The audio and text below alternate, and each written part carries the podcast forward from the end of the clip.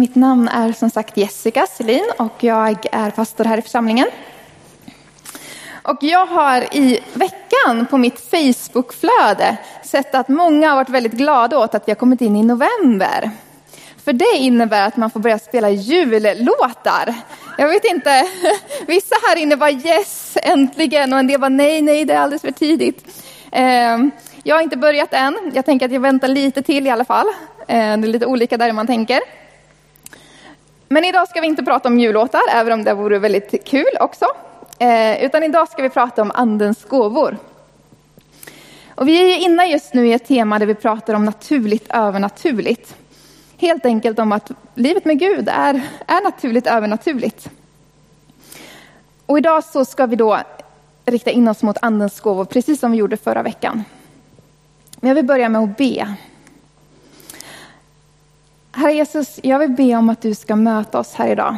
Att du ska tala genom ditt ord. Att du ska tala till våra hjärtan. Jesus, jag ber om att du ska få göra någonting nytt mitt ibland oss här idag. Att du ska få väcka en längtan i oss efter Andens gåvor. Jesus kom och låt eh, det vara dina ord som får fastna i våra hjärtan efter idag och låt alla andra ord som inte är från ditt hjärta, eh, låt dem bara få det bort. Amen. Så förra veckan så höll Kristin en fantastisk predikan eh, där hon pratade om att andens gåvor, de är till för att föra Guds shalom ut i världen. Och shalom beskrev hon det som, det är ett tillstånd av frid, harmoni, glädje och lycka. Det är ett väldigt bra tillstånd att vara i. Och Gud, han har en plan, pratar hon om. En plan att föra sitt shalom till mänskligheten. Och han vill att vi ska vara med i den resan att föra Guds shalom till människan. Och shalom, ja, men det är ungefär som att föra fram Guds rike. Det brukar vi kunna prata om ganska ofta. Att vi vill föra fram Guds rike till människor. Och hon beskrev andens gåvor som verktyg. Som man kan använda för att föra fram shalom till människor. Och verktyg, ja, men det är precis som när man bygger ett hus. Du kan bygga ett hus utan verktyg, men det tar väldigt mycket längre tid att bygga ett hus utan verktyg. Eh, och på samma sätt är det att det är väldigt mycket lättare att föra fram Guds rike på jorden om vi går i andens gåvor.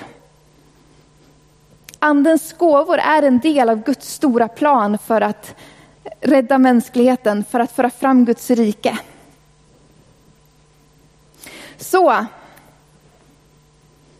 det var en, ungefär en kort minivariant av hennes predikan förra veckan. Men då kan man undra sig så här, ja, men vad, vilka är då de här andens gåvor? Jag tänker ta en, göra en liten lista åt er med andens gåvor. Och det är från Romarbrevet 12 och eh, första Korinthierbrevet 12. Ska vi gå igenom lite vad de här säger. Det är inte alla gåvor som finns som nämns, men, men det är många av dem. Vi börjar då. Så står det profetisk gåva, tjänandets gåva, undervisningens gåva, tröstens gåva, Gåvan att frikostigt dela med sig, gåvan att vara nitisk som ledare. Gåvan att visa barmhärtighet med glatt hjärta. Gåvan att meddela vishet, gåvan att meddela kunskap. Trons gåva, gåvan att bota sjuka, kraft att göra under. Gåvan att skilja mellan andar. Gåvan att tala i tungor, den är ju lite svår att förstå. Så Gåvan att tala i tungor handlar om att man kan få en, en gåva från Gud att tala ett språk som man inte själv förstår. Men som kan vara ett riktigt språk ifrån något annat land som man inte känner till. Eller ett bönespråk mellan en själv och Gud. Så eh, det är ett språk som man får av Gud. Gåvan att tolka tungotal, gåvan att hjälpa och gåvan att styra. Det är ganska många, eller hur? Och Paulus, troligtvis så gav inte han liksom en komplett lista när han gav till de här två församlingarna. För han skrev lite olika till de olika församlingarna. Utan det han verkade vilja liksom påpeka för församlingarna i Rom och Korint, det var att men anden ger massor av olika gåvor. Och alla gåvor är viktiga. Och vi behöver gåvorna för att de, de behöver användas för att föra fram Guds rike. Det var det han ville liksom poängtera. Men det kan hända att han kanske skulle ha sagt några andra gåvor om han hade skrivit till oss idag. Vem vet? Men om det här nu är så, så viktigt för oss, om det här är någonting som vi behöver för att föra fram Guds shalom, för att eh, eh föra fram Guds rike över världen, men då vill vi ha del av dem, eller hur? Vi vill ju få del av dem. Hur, hur lär vi oss att leva i Andens gåvor? Ja, I första Korintierbrevet 12, där Paulus pratar på de gåvorna, eh, i vers 31 där så skriver han så här. Nej, men sök vinna de, de nådegåvor som är störst och då ska jag visa er en väg som är överlägsen alla andra. Sen går han in i kapitel 13 där han pratar om kärleken och att kärleken är grunden för det vi står på. Sen i kapitel 14, vers 1 så säger han så här. Sträva efter kärleken, men sök också att vinna de andliga gåvorna. Helst gåvan att profetera. Det här sök att vinna. Det ordet betyder att man ivrigt ska söka någonting. Att man verkligen ska längta efter och verkligen, verkligen vilja ha någonting. Man ska ivrigt söka dem. Men jag vet inte eh, vad er upplevelse är, men min upplevelse är att ibland i, i kyrkan kan det vara nästan som att det är någonting fult att vilja gå i andens gåvor. Sådär riktigt mycket i alla fall. Lite lagom kanske okej, men inte för mycket. Så. Men att, att det skulle vara någonting nästan, nästan själviskt, att det är bara fokus på dig om du söker andens gåvor. Men det är ju allt annat än det, eller hur? Egentligen är det ju bland det mest osjälviska vi kan göra att söka andens gåvor. För det är ju, andens gåvor är ju egentligen bara till för att betjäna andra. De är bara till för att få vittna eh, för människor om Jesus. De är till för att föra fram Guds rike. De är till för att sprida shalom bland människor. Det är någonting gott. Det är, det är menat att visa människor att Gud vill dem gott. Det är det andens gåvor är till för. Så det är någonting väldigt osjälviskt att söka andens gåvor. Men då söka ivrigt då. Okej, okay, man ska söka ivrigt. Men vilka gåvor ska man då söka kan man ju undra. Vilka gåvor är det jag ska söka? Det kan man ju undra, eller hur? Vi ska läsa ifrån första Korintierbrevet 12, 7-11.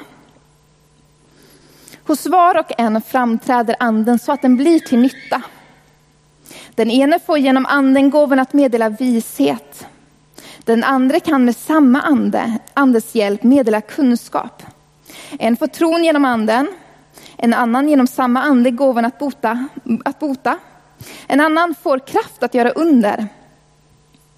En får förmågan att tala profetiskt. En annan, en annan att skilja mellan olika andar. En kan tala olika slags tungomål. En annan kan tolka tungomål. Allt detta åstadkommer en och samma ande genom att fördela sina gåvor på var och en så som den själv vill. Jag tycker det här är lite skönt, för den här texten säger ingenting om att vi behöver begränsa oss i vårt sökande efter andens gåvor. Men det den säger är att anden själv väljer vem den fördelar gåvorna över. Så när jag får den här frågan, men vilken gåva ska jag söka? Så tänker jag lite grann så här att ja, men vi har egentligen bara fått till uppgift att söka gåvorna. Att ivrigt söka gåvorna. Det är vår uppgift. Och sen får vi luta oss tillbaka och veta att anden fördelar gåvorna som den själv vill. Mitt jobb är att söka dem. Och så kommer anden välja när och hur och var han fördelar gåvorna. Och jag brukar ofta säga att ja, men jag tror att, att Gud han samverkar ofta med vår längtan.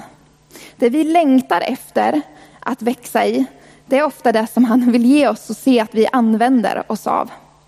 Så om du har en längtan efter, ja men jag vill, jag vill gå, leva i det profetiska mer. ja, men då är det troligtvis någonting han har lagt ner i ditt hjärta för att du ska växa i det, för att han vill att du ska utmanas i det.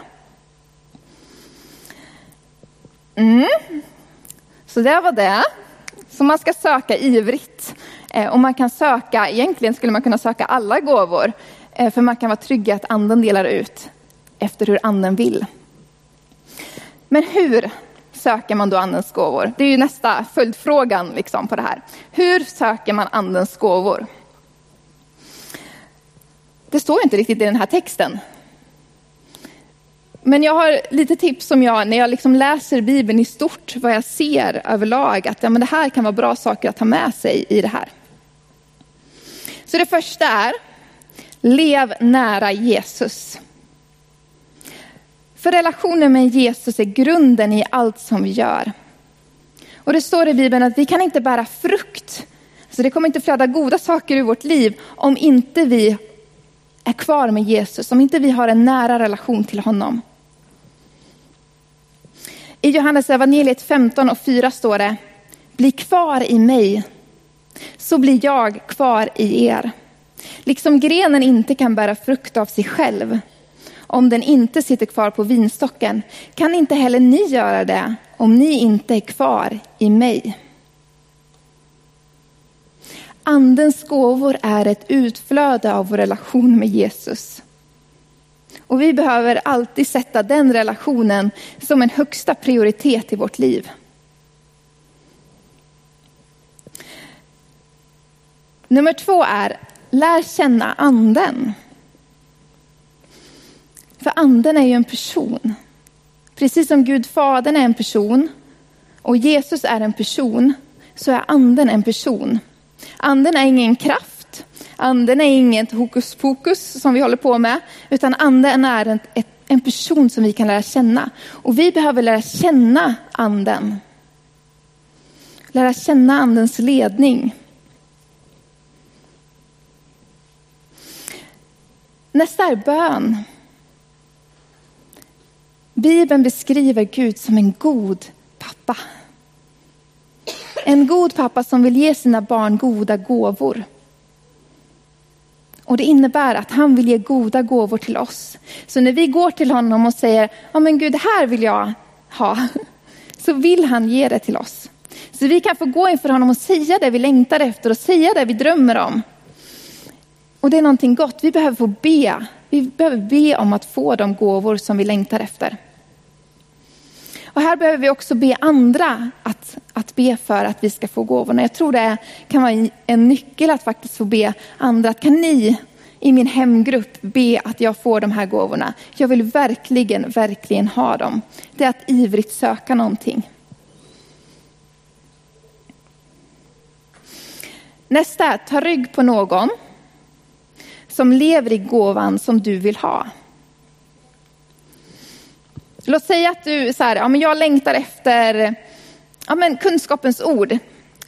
Många av er var här och såg vittnesbördet i början om kunskapens ord, alltså att man kan få kunskap som man egentligen inte känner till.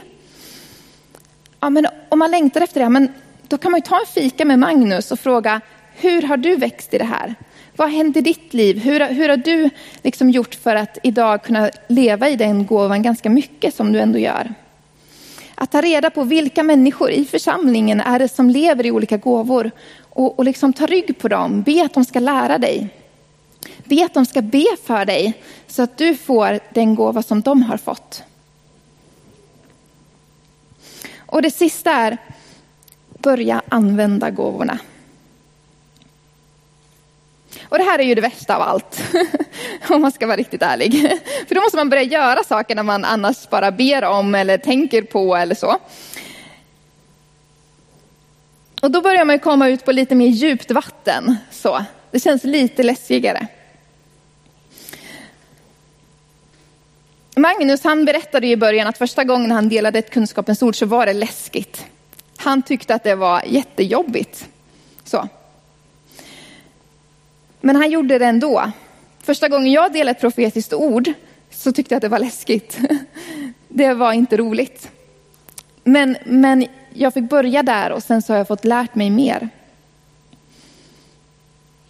Och det är ju så att om jag till exempel längtar efter att växa i gåvan att, att eh, bota sjuka, så räcker det ju inte med att jag har en nära relation med, med Fadern, Sonen och Anden och att jag ber om att jag ska få gåvan om så varje dag. Utan jag måste ju faktiskt be för sjuka också. Det är det som är lite jobbigt, att jag måste ju faktiskt liksom gå iväg och sätta mig i sammanhang där, där jag kan få be för sjuka. Annars kommer jag inte växa i den gåvan. Och jag behöver göra det regelbundet så att jag liksom visar att ja, men jag, jag, ivrigt söker jag den här gåvan. Jag vill verkligen få den här gåvan. Så. Och det är läskigt, kan det vara. Och jag tror att vi alla brottas lite med, med rädslor när det kommer till andens gåvor. Jag vet inte om det här kan stämma, men för mig är det så i alla fall. Eh, att jag kan brottas med det. Jag ska ge ett exempel på det här från i somras. I början av våren så blev jag tillfrågad om jag ville hålla ett seminarium på ett av våra ungdomsläger som vi har. Ett ungdomsläger på Hjälmagården som heter Chili Excel. Jättebra läger, eller hur Theodor? Yes. Och eh, jag skulle hålla då ett seminarium om andens gåvor. Och min första reaktion var, kan de inte hitta någon bättre? Tänkte jag. Det måste ju finnas någon som, som, som är bättre än jag på det här. Men, men i alla fall, de ville att jag skulle hålla det tillsammans med en tjej som heter Emma. Och det vi skulle göra var helt enkelt, vi skulle ge en introduktion till andens gåvor. Och sen skulle vi fördjupa oss i tungotalet, i det profetiska och i helande. Och då skulle man ha en teoretisk del och en praktisk del där de faktiskt skulle få göra det. De skulle få söka det, de skulle få liksom träna sig i gåvorna. Och jag sa ja till det här och så började tiden närma sig och veckorna kom och veckorna närmade sig och så började jag bli mer och mer så här, ah, vad har jag gett mig in på liksom? För, för ärligt talat, Gud måste ju dyka upp. Om inte Gud dyker upp, nej då händer det ingenting på den där praktiska delen, eller hur? Och då står man där som ett fån och bara så här, ja, jag sa att Gud ville att ge er gåvor, men tydligen inte idag. Så, det är jobbigt. Eh, så det började skapas en massa rädslor i mig. Och det här var rädslorna som, som jag hade. Den första var rädslan att jag skulle misslyckas. Så. Eh, det handlar ju egentligen inte alls om mig, men just då så var det bara så här, aha, hur ska de tänka om mig om inte det här funkar. Tänk om ingen får något tungotal eller ingen blir helad, ingenting. Vad ska folk tänka om mig som ledare då? Vet, väldigt självcentrerat, men jag är en millennial helt enkelt. Jag är väldigt självcentrerad i min generation. Så, så där är det. Jag tänkte på, på mig själv. Min nästa rädsla, vad sa du? Ja, precis. Eh, min nästa rädsla var att eh, Gud skulle tappa ansiktet.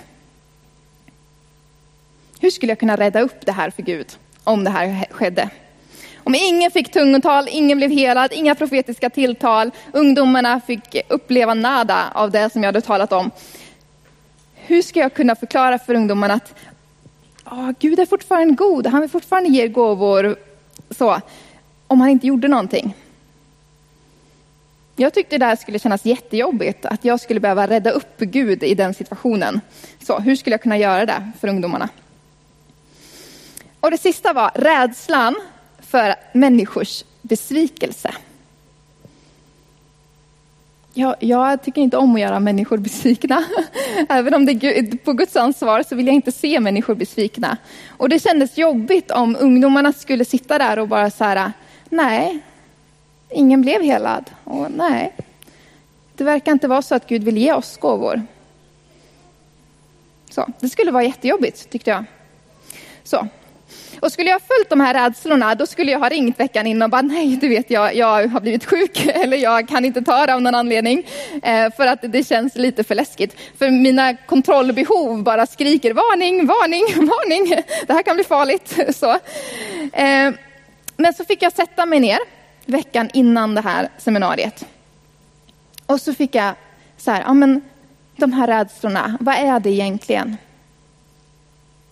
Och så fick jag möta de rädslorna med, med några sanningar som jag behövde påminna mig om. Och det första var, det handlar inte om mig. Tada! Surprise. Eh, nej, men jag behövde verkligen så här, nej Jessica, det kan hända att det blir så. Men, men du kan inte låta det stoppa dig från att, att sprida Guds rike på jorden, att undervisa det som du tror att Gud vill undervisa den här generationen om.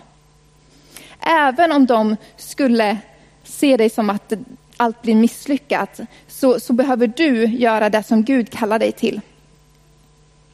Jag behövde dö bort ifrån mig själv där och bara så här, Jessica, det här handlar inte om dig. Glöm bort dig själv nu. Det andra var att Gud är ytterst ansvarig. Jag behövde få påminna mig om att det är inte jag som är ansvarig för att människor ska bli helade. Det är Gud som är det. Jag kan bara liksom finnas där och öppna upp för att Gud ska få göra någonting. Men jag är inte ansvarig för att det här händer eller om det inte händer. Det behöver ligga på Gud och jag behöver släppa tanken att jag behöver rädda upp Gud. rädda Gud ifall det är så att han inte kommer och gör det som jag önskar att han ska göra.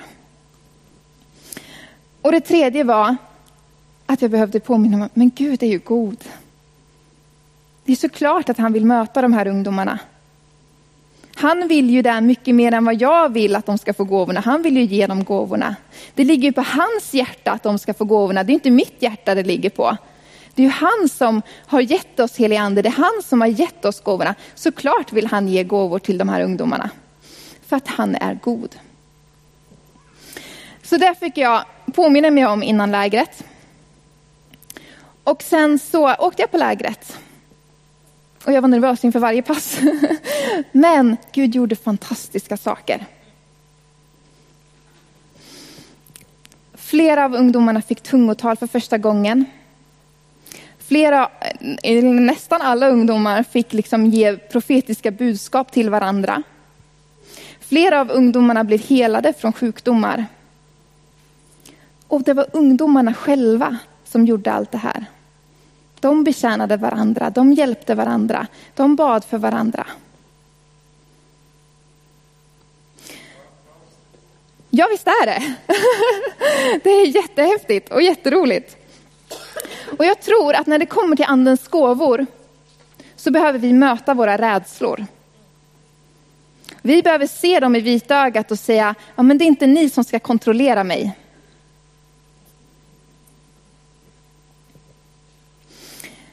Vi behöver gå åt ett annat håll än vad rädslorna säger att vi ska gå åt. För annars kommer vi inte få se det som Gud längtar efter att vi ska få se.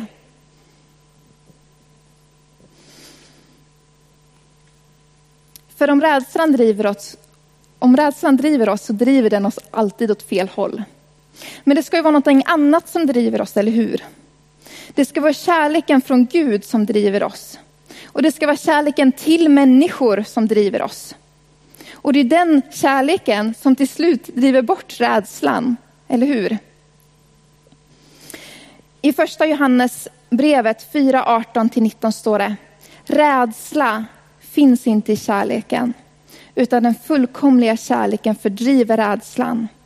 Ty rädsla hör samman med straff, och den som är rädd har inte nått kärlekens fullhet. Vi älskar därför att han först älskade oss.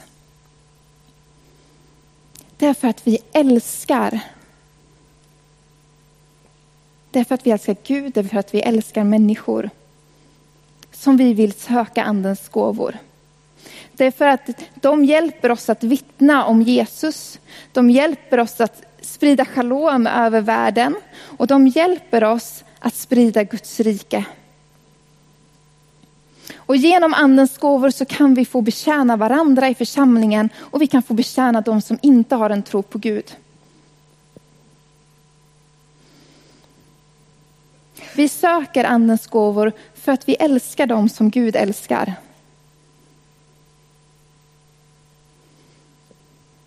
Det är därför och därför behöver vi gå emot våra rädslor ibland och, och säga, nej men det är inte ni som ska kontrollera mig, det är Guds kärlek som ska leda mig. Vi kommer om en stund gå in i ett, en, ett nattvardsfirande.